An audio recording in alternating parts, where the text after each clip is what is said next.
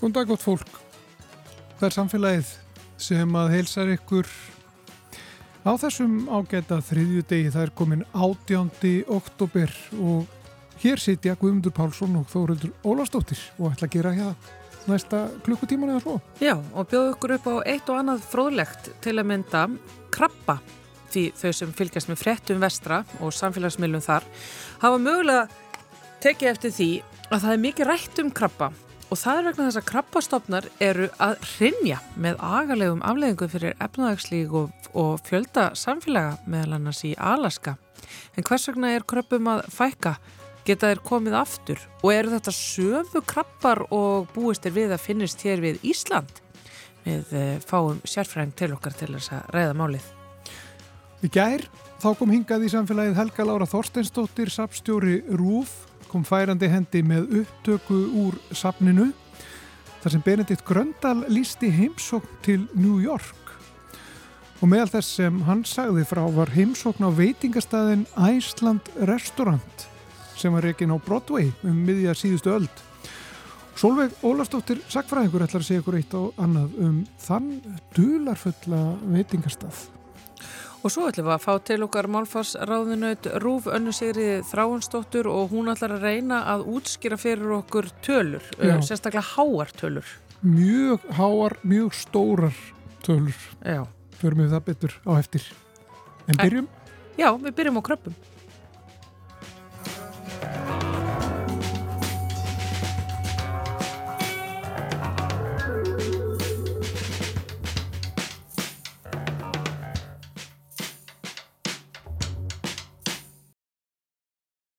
Það er mikið verið að ræða um krabba. Krabbarnir eru að segja okkur eitthvað en nákvæmlega hvað? Ég ætla ekki að reyna að útskýra þetta mikið betur hérna, heldur ætla ég að fá hérna til mín Jónas Pál Jónasson sem er fiskifræðingur hjá Havró Sællvertu. Já, hæ.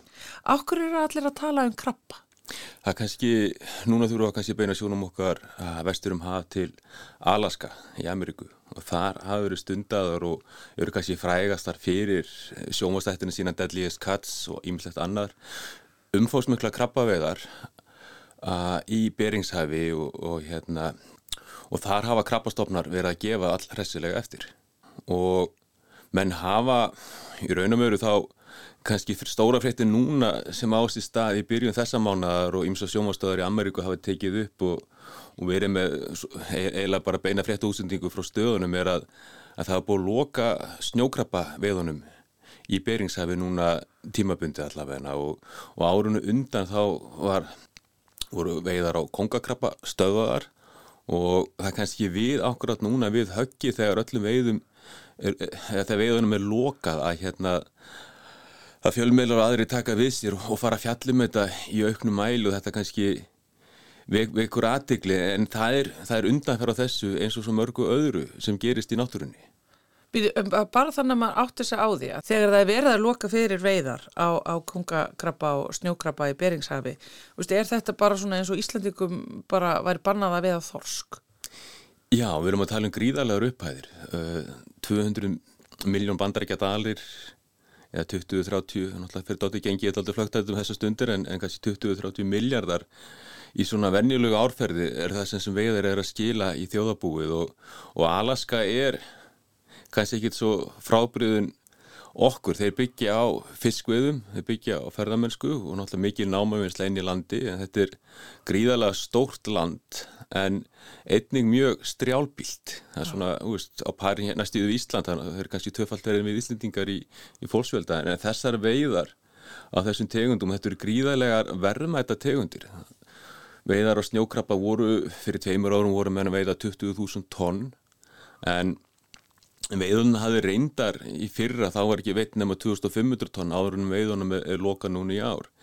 En og svo voru stundar umfósmikla líka veiðar á, á, á, á kongakrabba ja. og þessum rauða kongakrabba í, í, í Bristolflóa og þær reyndar þær veiðan á hámarki kring 1980 með gríðarlega miklum veiðum og hafa raunverulega verið tildulega dabrar allt síðan 1980 en snjókrabba veiðarnar hafa kannski þær svona fara að dala síðar og, og En samt sem áður síðustu 10-15 árin ef mann skoða vísutölur bæði í stoppmælinga leiðangrum og, og stoppmötum þá hafa þær verið að detta niður og, og núna var leiðangur sem var farin í sumar þá, fara menn reyndar með, með troll með, með trolla þess þarna á gríðalega stóru hasfæði í, í Beringshæfi og þá sjá menn raunverulega vísutölur þessara snjókrappans falla mjög skart, hún hafi fallið líka mjög skart áruðu undan. Já og þetta fallu núna er þess valdandi að menn grýpa í hambrunsuna og stöðu allar veiðar.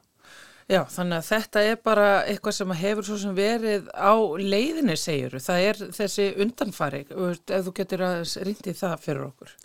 Já, það er kannski ekkert svo langt síðan, minnum mann sér gloppbót, en 2016 og 2018 þá voru gríðaleg hitafrávik í Beringshæfi mm. og mm Það hefur verið örlítið kaldar núna allra síðustu árum en á þessum árum þá gerist það kannski fyrsta sinn að, að botnhittin þarna hann verður mjög hár á mjög stóru hasvæði. Berings hafi náttúrulega rosalega stórt haf og, og nær endingu, endingu endar það í, í hérna, mjög artískun sjó verður mjög kallt en er á mjög stórum hasvæði þar sem alltaf var svo kallega kaldur podlur und, undir hafisnum. Já. Hann hverfur og og það eru ymsta breytingar sem eiga sér stað þar og, og við getum kannski rakið þar pínu en í stuttum máli en, en til að mynda bara með þessum aukningu á, á þessum hlýri sjó inn á svæðið þá eikst líka afrán á krabunum og öðrum tegundum. Þarna og þetta sjáum við gerast mjög víða á, á norður norðu slóðum að, að sjórin er að hlýna og það eru hlýja tungur að koma inn. Og með þeim breytist tegunda samsendingin og, og til að mynda Kirrahafsþoskurinn og Alasku uppsinn flæða þarna yfir.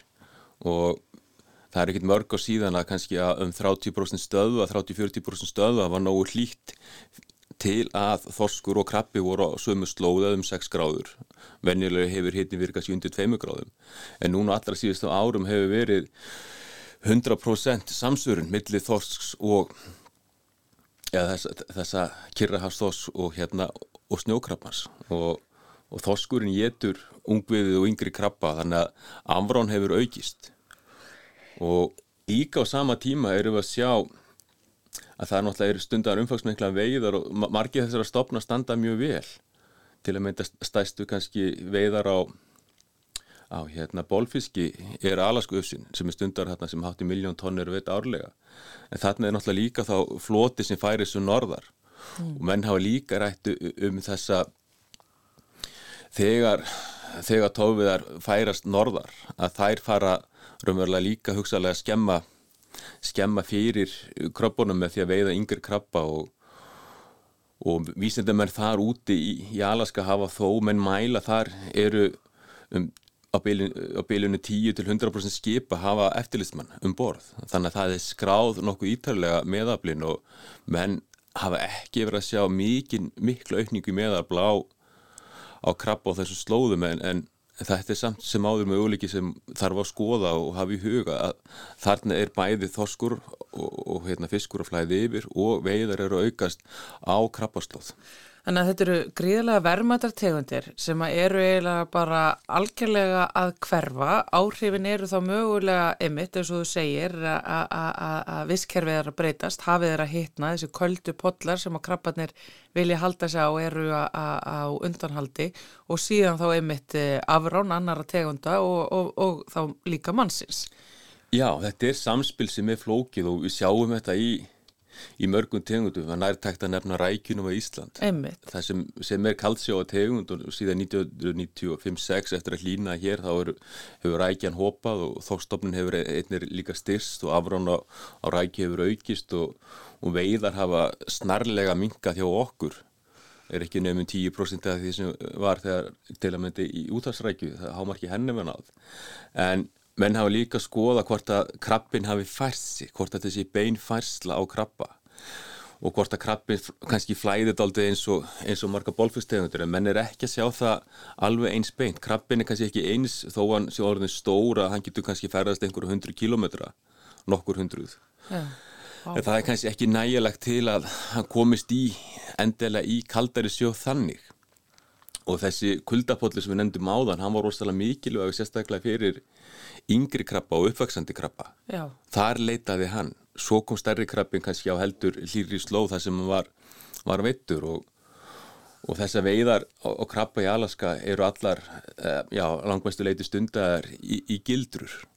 Og þá eru menn að sleppa menn tala um, um þrjú stóru essin, menn, menn sleppa hérna það er það er kynið eða, eða sex með sleppa, hérna, sleppa öllum kvendýrum. Það er stærðatakmörk eða size limit þarna og það er líka svæðaskipting á þeim. Þannig að það er kannski svona grunnurinn að stýringunni og, og maður getur ímættið sig þegar maður er að stýra veginn þannig að öllum kvendýrum er sleppt að við erum að venda kynþróska hluta stoppsin sem, sem er að hrigna auðvitað ef við veiðum karldýrið og stíft þá erum við kannski að hindra, þess, hindra það að, að það er frjókistallar en, en það veriðist vera sérstaklega með snjókrappana hann hverfur þálti skart og þessi breytinga gerast mjög skart. Mm. og, og, og líffræði krappans er að mörguleiti líka mjög sérstöka því að þessi, þessi dýr stækka við hamskipti. Og það eru nokkur hamskipti sem er eigast í stað á lífsleðinu og, og við snjókrabban þá eru raunverulega síðustu hamskiptin áður að vera kynþróska það eru loka hamskiptin og þá lifar henni 34 ár eftir það. Þannig að kannski lífsferill hans með því að vera með þessi loka hamskipti gera hann einhverju leiti kannski ekki eins aðlugar hann hæfan fyrir þessum breytingum. Þetta er viðkvæmt tegund, það, það er rauninu það sem þú ætti að segja. Þó svo að maður sjá í krabban og finnast að vera mjög hörkulegur, sko, þá er þetta viðkvæmt tegund. Já, fyrir þessum breytingum og, og hann er viðkvæmið fyrir afráni sérstaklega við þessi hamskipti þegar hann verður mjúkur. Mjög, og dýrasta, dýrasti krabbi sem búður upp á er, er, er mjúkukrabbi ef mann komast í hann en mann kannski reyna, reyna alltaf að stýra veiðum, veiðum frá þessu en, en þetta er kannski, og ég hafði sambandi við kollega minn þarna í í Alaska núna bara, bara í gær þegar við erum að fara yfir þetta að, menn tala um umhverfisáhrifin sem er nummer 1, 2 og 3 sem er að stýra þessu. En Mér langar samt að koma inn í þetta sem er eitthvað aðeins aftar þarna í tölunni sem er samsæriskenningar um að þetta séu rúsum að kenna.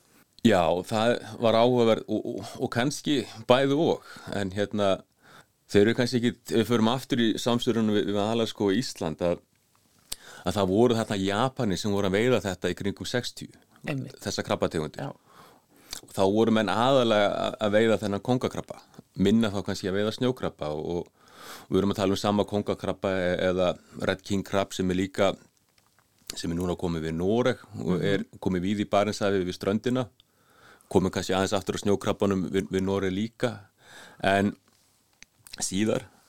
En þessar tegundir og, og, og kannski menn tala um þessar tvo stænstu stopna annað þeirra eru austur að Kamtjaka skaganum í Rúslandi og þar voru Japani líka á veiðum á, árum áður og þarna í Bristolflóa sem er þarna norður af þessum, þessum eigaklasa, að ljúsa eigaklasa sem, sem kannski þetta beringssund ja, sem er að tengja aldrei þess, þess, þessar álfur og menn tala um að mennir haf, hafi farið yfir þarna fyrir 15-20.000 árum þegar menn fóru í, í nokkrum bylgjum og, og hérna lögðu undir sig Ameríku en Japanir voru þarna aðalega á gildruveðum og bönnuðu mjög fljótt tógveðar á stóru svæði.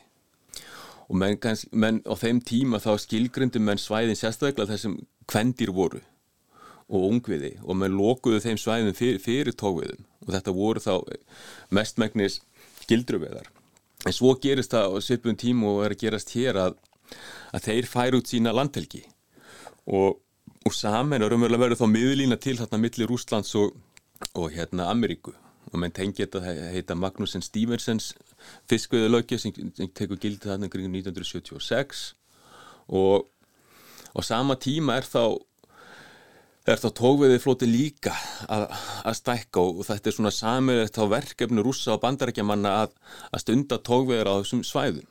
Og aftur kannski að því eins og með Alasku öfsan sem er sem menn eru að veiða hátt í miljón tonn, þetta eru gríðarlega verðmæti sem eru líka fólkin í þeim tegundum. Já. og þeim tíma þá einhvern veginn hægt og sígandi að það verður einhver breyting á að menn opna, opna þessa, þessi, þessi fyrrum friðu svæði fyrir krabban og, og upp úr því sjámenn ansið mikið hrun sérstaklega í þessum kongakrabba á þessum svæðum.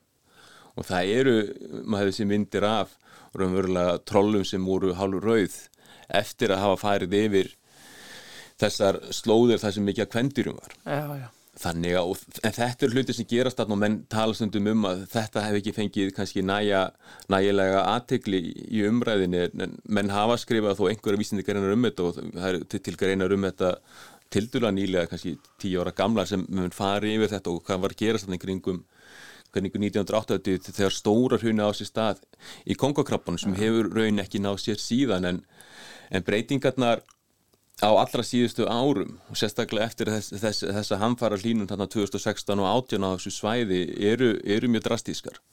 Og, og það hefur einhver, eins og segi, einhver aukning átt sér stað á tófiðum og svæðinu en, en, en menn horfa mest, mestmæknist til þessa hlýjenda og að það er lítið sem engin nýluð sem á sig hefur átt sér stað 2016-2018 en þó ber þess að geta í nýjustu skýslinu þeirra eða sem, sem er að koma út mynd, mynd, minnst á þetta í, í tilkynningunni og tengdum skjölum sem átti sér stað bara núna í síðustu viku þegar menn lokað að menn er að sjá aðeins af ókynþróska ungum krabba mm. kannski samfara þeim breytingum að menn hafa séð aðeins fæslu aftur í kaldari tímabil síðan 2018 þannig að síðustu 2-3 ár hafa verið heldur kaldari en, en eru þó kannski nærri næri meðal árum heldur en þessi mjög svo hlýju ár þar og undan. En heldur þá þú og, og kollegið eins og þú talaði við þannig að Alaska að það séu þá bjartari tímar framöndan eða bara að krabba veðar séu bara ekki lengur viðhafar? Ég held að verði því miður einhver ár þarna menn hafi verið að býða hansi lengi eftir, eftir til, til að mynda kongakrabbanum að hann hafi náð sér á stryk. Ah. Það eru aðri minni stopnar sem er ennverð að veiða krabba úr. Það er svo, svo, svo kallega blái kongakrabbi og, og eitt, eitt sem heitir tannerkrabbi sem eru þarna. Eru, það eru no, þó nokkra tegundur eða þó nokkra tegundur þarna og smæri stopnar sem eru enn að veiða, veiða úr. En, en ég held að sé því miður með þurfa að býða aðeins eftir þetta náu sér á þann, þann stað þar sem að var áður en þessi hnignun á sér stað og líka kannski að það eru fleiri hættur, það er ekki bara það er ekki bara þetta hækkandi hitastig sem hefur haft gríðilega áhrif og, og oft sjáum við reyndar þetta þessi hitabreitingar eiga sér stað kannski daldið í, í einhvers konar tímabilum ah. að kannski getur við farið inn í örlíti kaldara tímabil nú, núna næstu árin en það breytir því ekki að það er grunnirinn og orðinni hlýriri og svo erum við að sjá hugsalega áhrif súrnuna sjáar á, þessi, á þessa tegundir Já. og menn hafa sínt fram á það reyndar ekki á snjókrabban en þennan tannarkrabba hafa menn sínt fram á að, að þau gildi sírustyks núna e, eru komin einhver stað við þólmörkin og þeirri tegund og svo kannski eins og með margt annað sem kemur upp að þegar menn verða að vitna þessum breytingum eins og sírustyki sjáar að þá fara menn að kanna áhrif þess Já. og það er ekki búið að gera ítalega rannsóknir á öllum stegum þessara dýra, lirfustegum og annað. Sjá, sjá umverulega til að komast að því hversu þólinn þau eru fyrir lægra sírustíði þannig að En hann er greinilega að segja okkur einhverju sögu, krabbarnir. Krabbarnir er að segja okkur sögu og menn hafa talað oft um, um kanarifuglin í, kólanámunu og, og slíkt. En þetta er aðeins þróun sem er kannski bara afleiðinga þessum gríðala hitta fyrir fyrir þá 5-6 árum á þessum, þessu, þessu, þessu svæði þannig mm. að þetta eru gríðalega breytingar og líka fyrir þessi samfélög sem búa þannig þau reyða sér algjörlega sko. þetta er gríðalegu skellur og, og, og þessi veiðumanna samfélög þarna í Alaska eru menn hafa verið, það hafa verið miklu peningar í þessu og, og þetta er þá mikla breytingar sem er eigast í stað ef að þessar tegundi hverfa mm. og þessi samfélag eru aðlögu þessum gildruveðum og, og þeir sem eru kannski að veiða bólfiskin er, er, er annars konar útgerðum með stærri skip og, og ofta á tíðin vestmjöðu skip þannig að það eru kannski, þau koma kannski eru er ekki að nýta nýta svæði á sama hátt og nýta náttúrulega sama hátt og, og þessa byggur. En svo við færum okkur frá þessum krabba þarna vestan, vestur frá aðeins í, í lokin. Ég veit að þú hefur mikinn áhuga á já, kröppum sem eru svona að færa sig mögulegin á okkar svæði. Já, mikið rétt. við höfum verið að fylgjast með fréttum frá Noregi varðandi einmitt þess að tvær sumu tegundir uh, kongakrabban sem hefur verið að fikra sig með frá ströndinni ströndu Noregs og núna eiginlega komin að tromsu megin útbreyslan en einstakar dýr hafa fundið sunnar þannig að og eitt kongakrabbi hefur veist í breyðamörkudýpi hjá okkur, bara eitt stakk dýr og við hefum ekkert fengið neitt svo sem neitt annan heldur en þetta stakka dýr þannig við veitum ekki alveg hvernig það kom hvort það kom bara hérna með lirfur ekki eða hvort einhverja hendunum út eða en hann var allan á lífi, þetta var stórt og mikið karldýr. En kannski sem eru spenntari svona fyrir og, og menn og fleiri en ég hafa verið skrifaðar hérna háskóla greinar um háskóla reykjir um mögulega útbyrjuslu á, á snjókrabbanum. Hann kemur kannski daldi óvand inn í Barentsafið núna eru að færa okkur frá Beringshafi yfir í Barentsaf, norður á Noregi. Og veiðar þar hefjast ekkert raunverulega fyrir 2012 að þeirri tegund. Og nú er svo komið að í Barentsafi reynda náða veiðarnar hámarki fyrir kannski einhverju fimm árum þeir fóru upp í 20.000 tonn sem er gríðalegt magn með hvað þetta er verða með tegund mm. og, og hluti normana þar núna er að nálga 7.000 tonn á, á svæði sem er, sem er þarna austur af, af Svalbardha en útbreysla krabbans er víðari.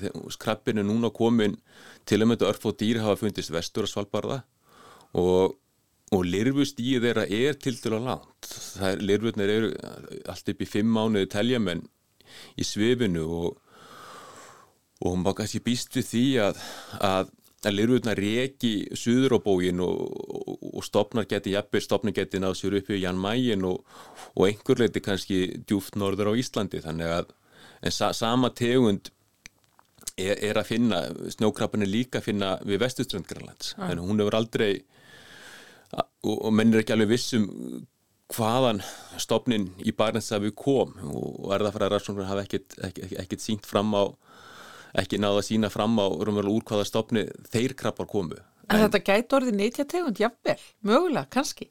Hugsaðlega nýtja tegund og við erum alltaf okkar árlega hérna haustaralið sem er í gangi núna þá, þá er alltaf pínu verðlun fyrir þann sem finnur fyrsta eintækið á snjókrabba svona til að halda fólki á tánum. Hvað er verðlun? Það er nú ljúfinn kvítin sem myndi kannski passa með myndi passa með krabba.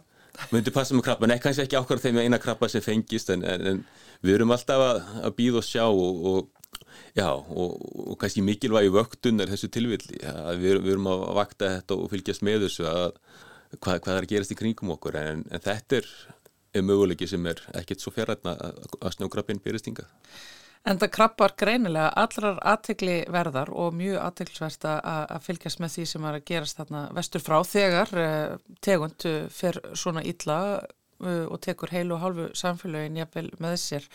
Svo er einmitt líka spennandi að sjá hvað gerist hér. Það er greinilega margt í kröppum. Við fylgjast bara áfram með þessu með þér. Jónas Páll Jónasson, fiskifræðingur hjá Havró. Takk kella fyrir spjallið. Takk, takk.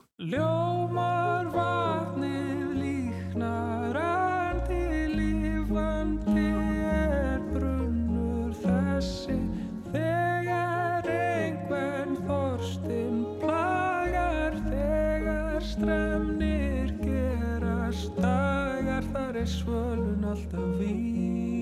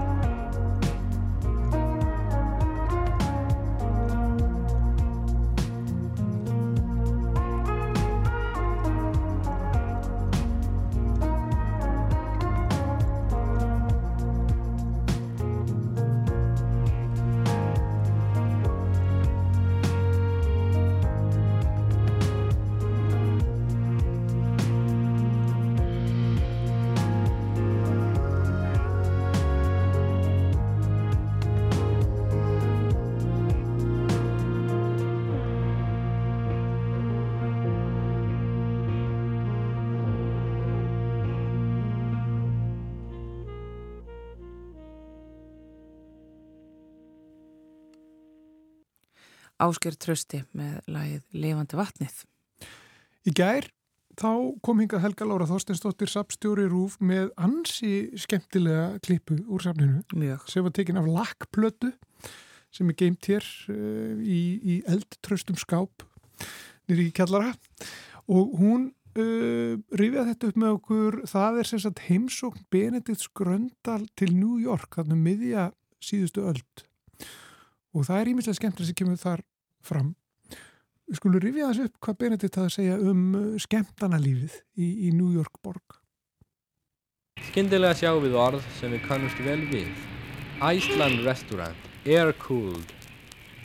Þarna er næturklúburinn sem ber þetta virðulega nafn. Þetta Hotel Ísland Vesturheims. Tónar hljómsutana berast út úr næturklúbunum sem hér eru margir.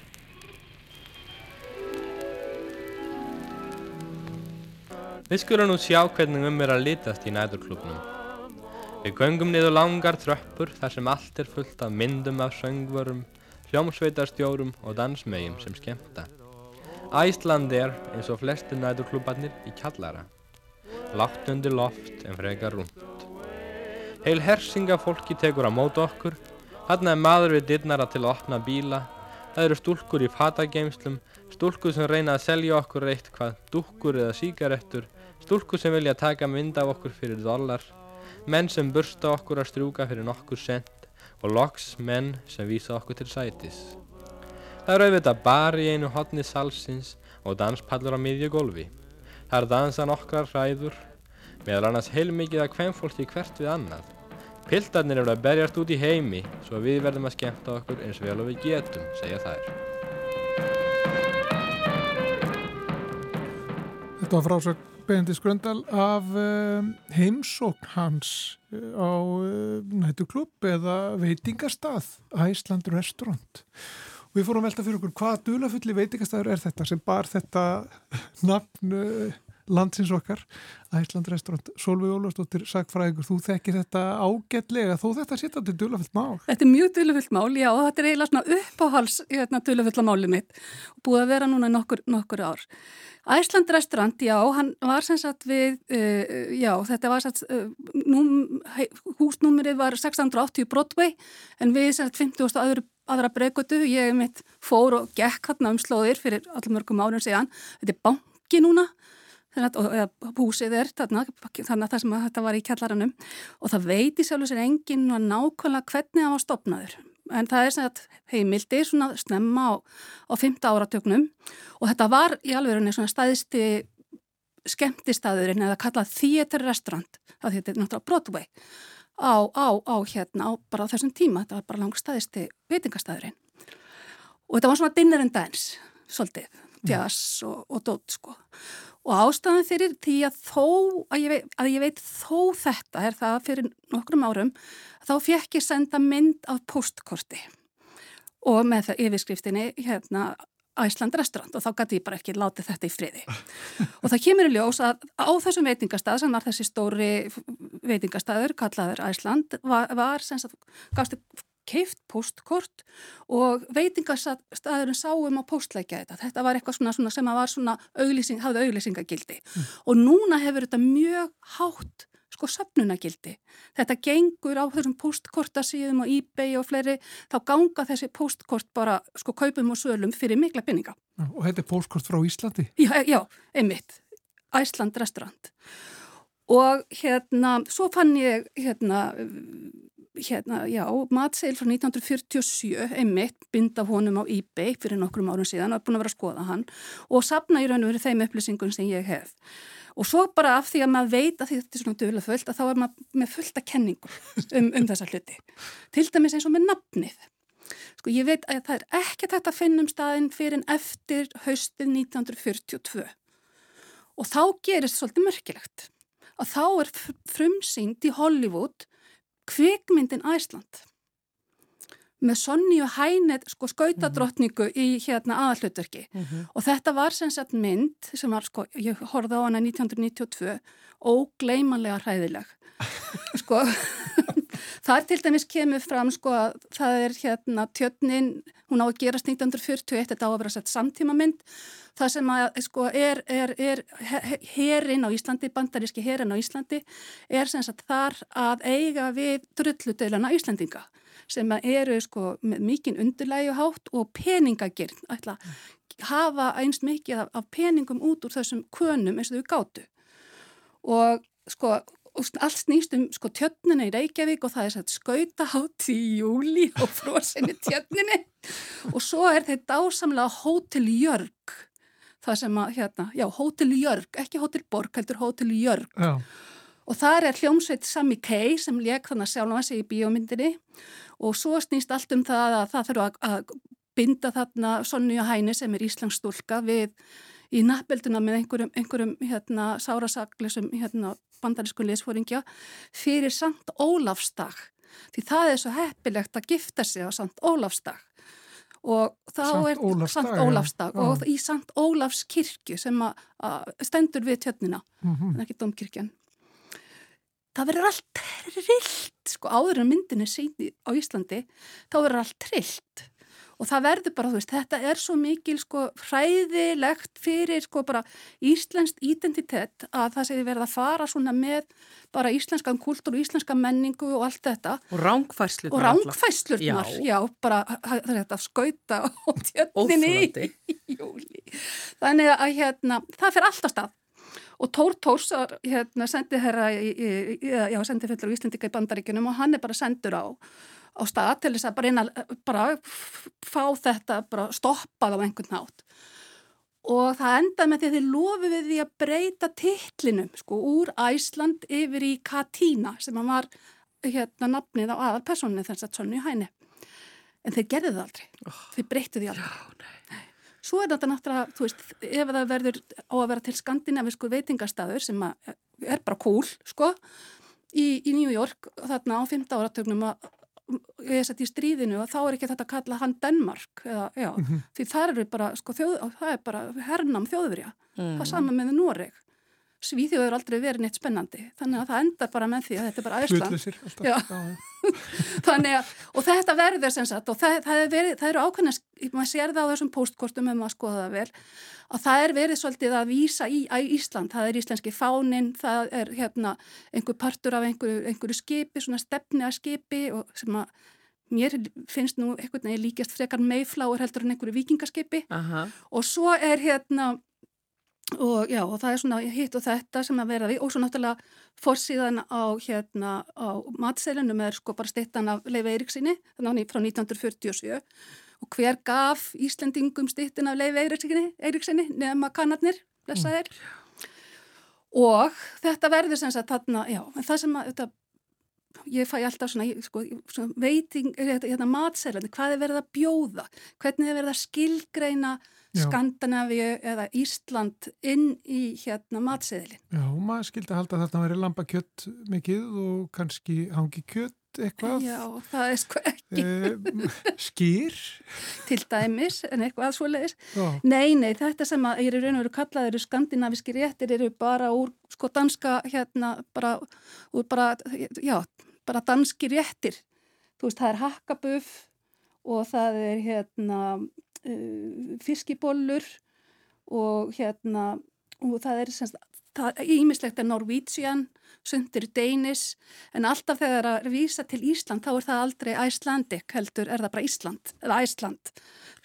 Þannig að sko bandarískir hérna einhverja veitingapenningalið Já. stopna hérna veitingastað í miðri New York, stela nafninu Ísland, Já.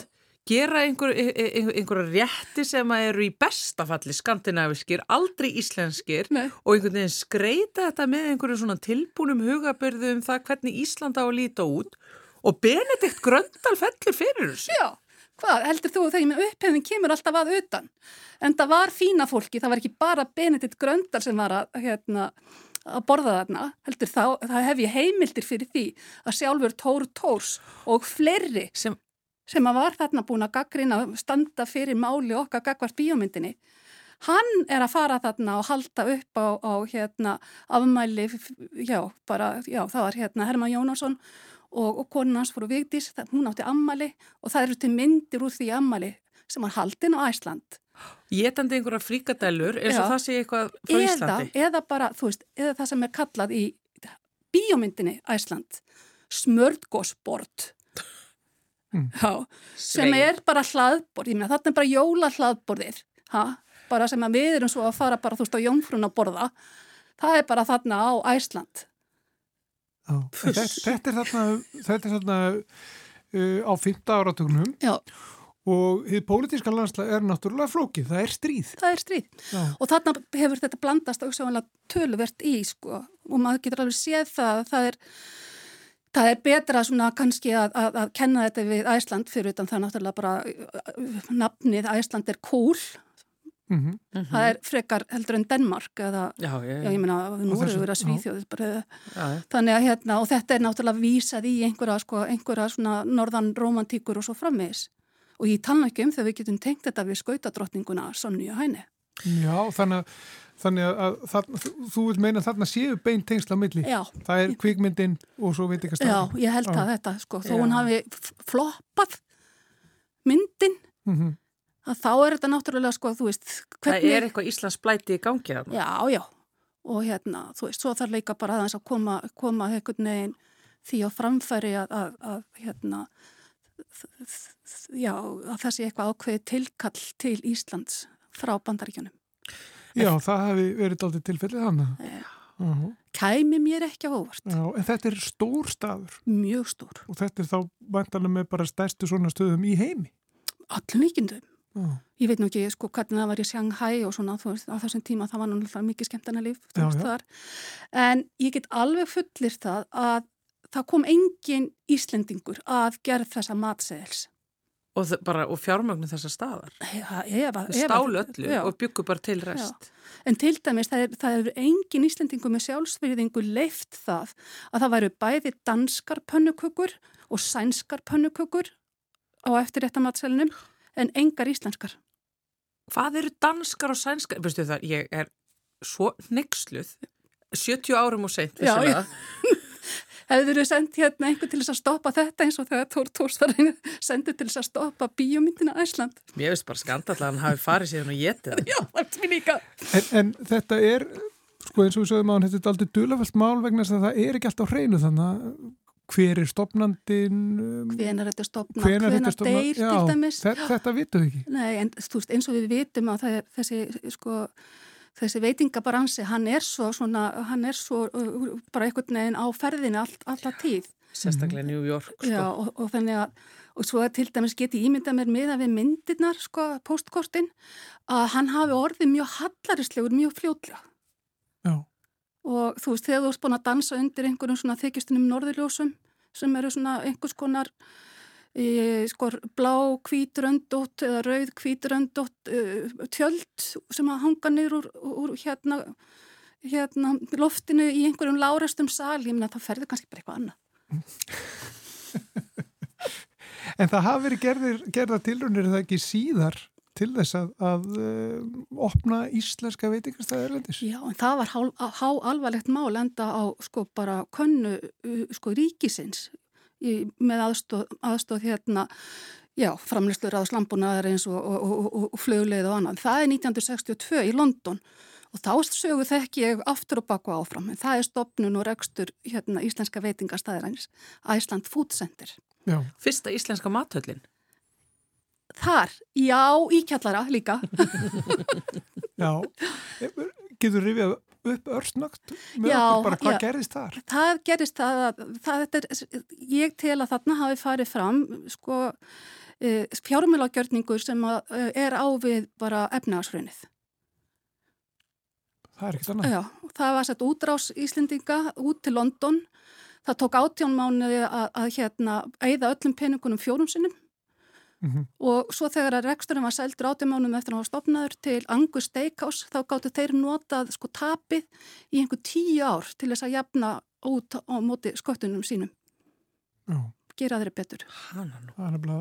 En þar voru sannlega íslenski réttir já, á, á matselni? Já, það voru sko íslenska pönnukökur þar. Já, já og þeir sem ekki kunna meta það, kunna ekkert gott að meta eins og að sagt í, í hérna velvaganda í hérna í, já, í velvaganda 1965 já. Er þetta saga ef við förum aftur til New York já. í Æsland restaurant, er það saga sem hættir að rannsaka eitthvað frekar, eru, eru ykkur gögn sem að sem að lægi ykkur stöðar sem var hægt að komast í? Mögulega? Mögulega, sko ég... Þú ert búin að heimsækja staðinn? Já, svona bara utan og horfa á hann svona bara þar, en ef einhver vil kosta mig í, í nokkru ára rannsóknarvinnu til New York, þá er ég alveg til. ég vil alltaf hann komast í botsi þessu, mér finnst þetta algjörlega ótrúlegt dæmi, sko. Og ég held nefnilega, þegar ég hlustaði á þetta með hérna Gröndal hér í, í, í gæri, ég held þetta að hann væri að heimsækja einhverja landa sína sem að væri veitingahúsarekstri í New York. En veist, ég er svo, ég er nefnilega svo hissa að hann hafi liftið þessu að slæta, eins og maður segir, svona auðvöldlega, bara liftið þessu að vera til. Sko, þetta er hérna, eins og ég segi, þú veist, þú, upphefðin, upphefðin þarf alltaf svolítið að koma auðvitað, þannig að þú verður svona, heldur að, heldur að hafa ekki verið svolítið svona gott og þægilegt fyrir svona íslenskt mektarfólk að fá að setja á stað sem hérna Æsland. Já, nei, við erum Þó... náttúrulega í málaferðlu núna við hérna Æsland keðju, þannig að þetta eitthvað hefur nú breyst allavega næmiðli tíðinni. Já, en það er sama, við erum alltaf að, að passa upp á brandið. Já, við erum að ímynd í þessu málaferðlu mútið því. Stórmerkilegt. Þú sérstaklega náhuga þessu? Já, veistu ég, sko, svona kurjósur, sko, næra, sko, líf mitt og anda, því ég er náttúrulega bara, ég er í minni rannsóknarvinnu svona dagstaglega að maður verður að hafa eitthvað svona til þess að halla sér að Já. og hlæja. Já, vonandi færðu ykkur tíman tækifæri til þess að rannsaka þetta mál í þöla. Við bara lýsum hér með eftir einhverju sem vil styrkja slíka rannsókn. Sólvi Ólastóttir, sagfræðingur, gaman að fá því heimsókn. Takk fyrir þetta.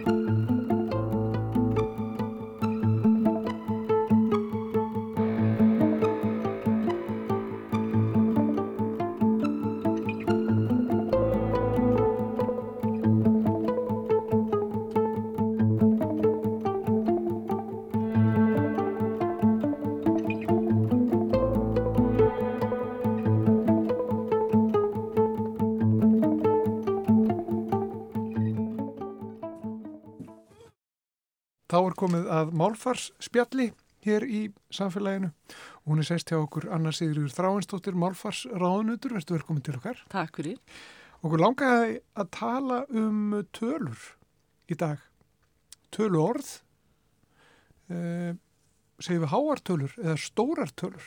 Já, háar eða stórar. Já. Þær eru nefnilega, um, það er ekki sama hvað maður segir þegar maður talar um stórar tölur eða hvað. Sko, ég vil bara byrja á að taka það fram að ég er á verulega hálum ís að fara að tala um tölur. Að reikna. þær eru ekki mín sterkar hlið.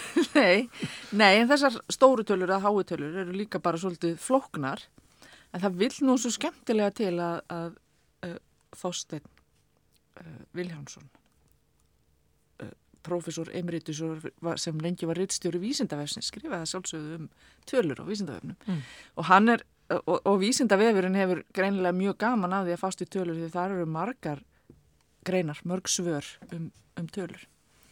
Og hann svaraði fyrir löngu, löngu síðan, árið 2000 var það, svaraði hann uh, spurningunni hvaða tölur koma á eftir miljón og miljardi.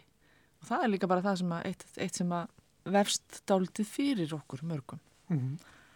Þannig að- að við tölum almennt um, við þekkjum öll miljón. Ég held að við ráðum öll við hana. Já. Mhm. Það er hérna 6-0 Já, í, í miljóninni. En miljardur er þúsund miljónir. Þannig að við erum með 9-0 þar. Mhm. Og uh, næsta tala, segir Þásteinn, sem hefur sérstætt heiti í þessu stiga, er biljónin. Biljón er í, í, í íslensku er, er uh, næsta tala eftir miljardi. Hún er miljón, miljónir.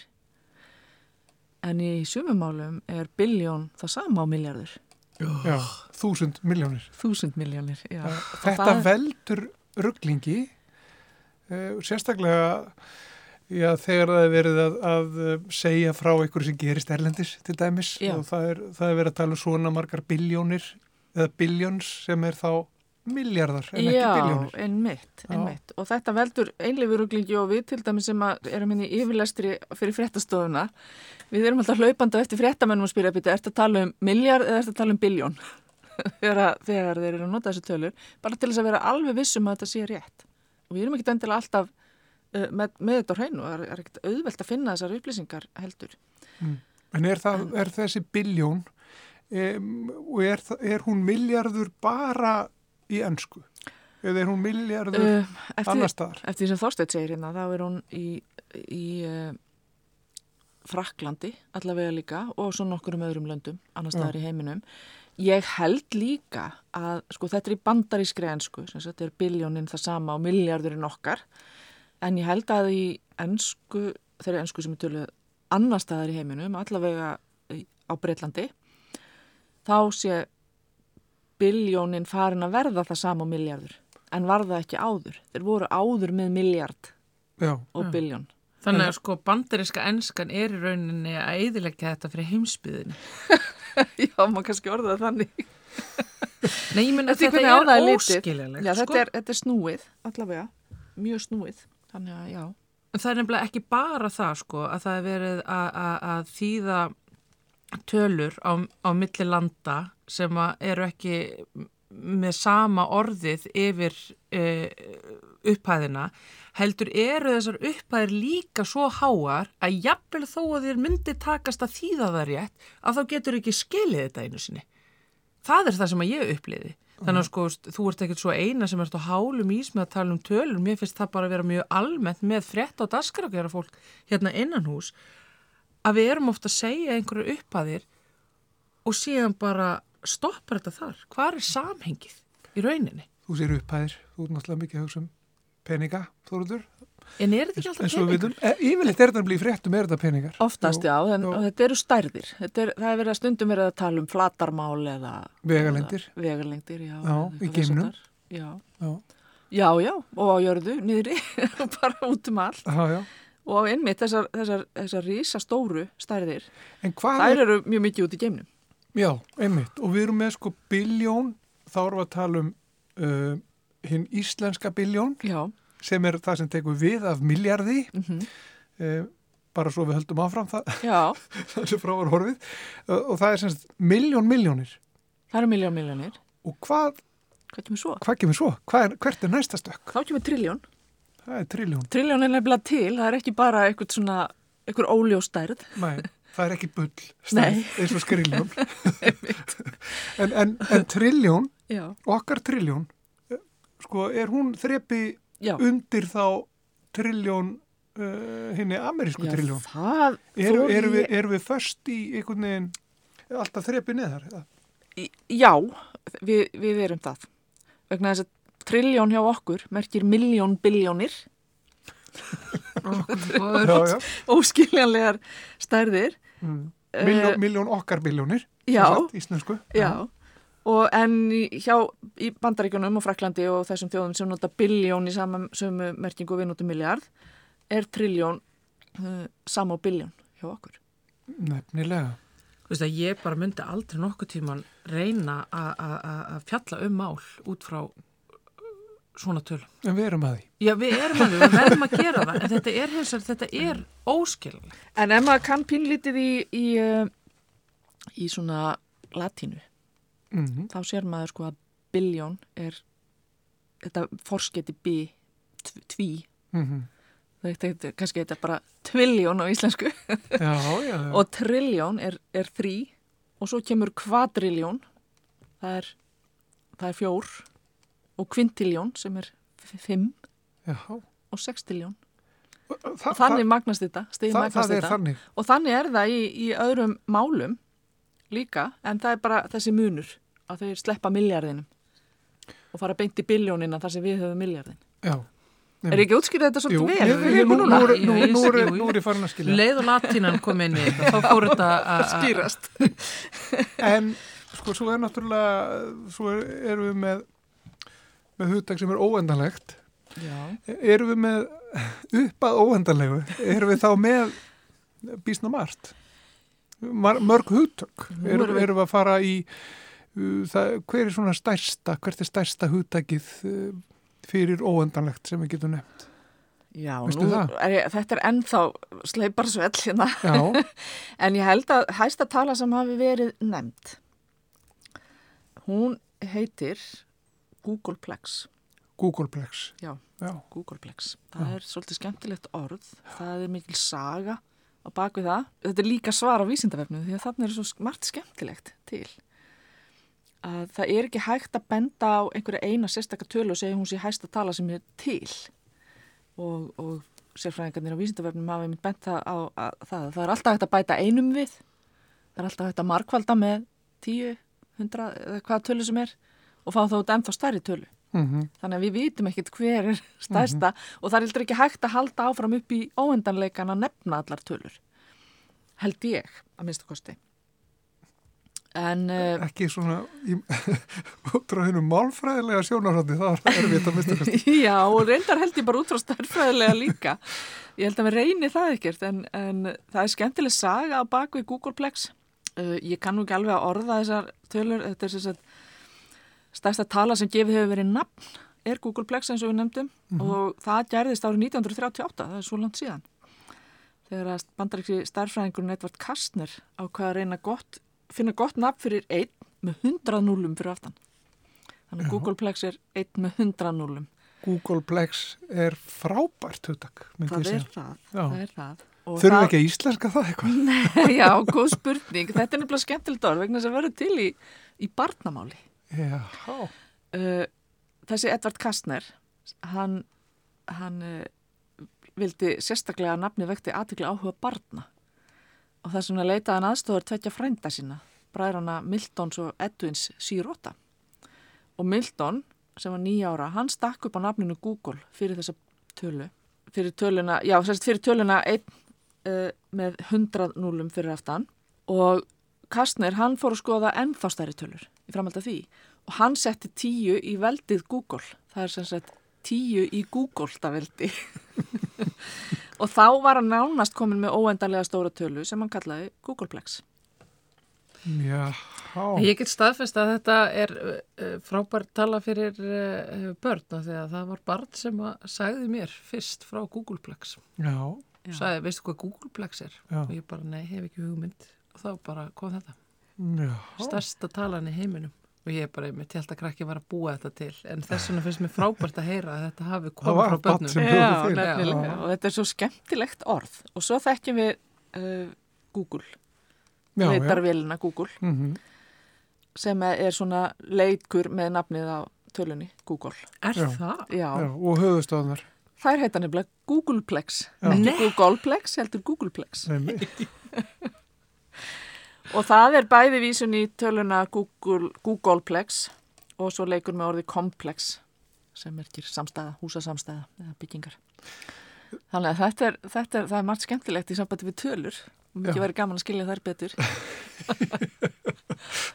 En sko, við kannski tölum síðar um sko einingar, mæleiningar. Mæleiningar, já, þær eru líka svolítið mismunandi milli, milli tungumóla Já, og það getur verið gaman að skoða það. Og líka bara, þið vitið, míla og sjómíla. Alls ekki það sama. Þó, einmitt. og svo að þetta skuli, að sjómílu skuli ennþá lifa þó að, þó að við notum metrakerfið Já, einmitt. hér í íslensku.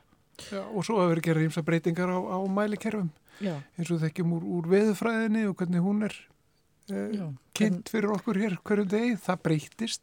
já. Hvernig vindræði er mældur Já, eða, eða táknar, Já. öllu, hann kannski mældur með svipum hætti en Já, en þetta er önnur saga. það er önnur saga. já. Önnur umræða. Ég er allavega komin bara eiginlega nánast með hausverk. Sko. Mér sýnist þeirra hræðilega komin móða. Ég held að þurfum bara að fara Þetta að er ljúka þessu. erfitt efni fyrir útvarp. En Anna Sigriður Þráinsdóttir, málfarsraðanutur, takk fyrir komuna. Takk. Og þannig ljúkum við samfélaginu mm, á þessum uh, fína þriðjudegi, 8. oktober. Um, en við verðum hér sjálfsögðu á morgun á sama tíma, Þóruður Ólastóttir og Guðmundur Pálsson, Jú, mikil ósköp, þanga til. verið sæl.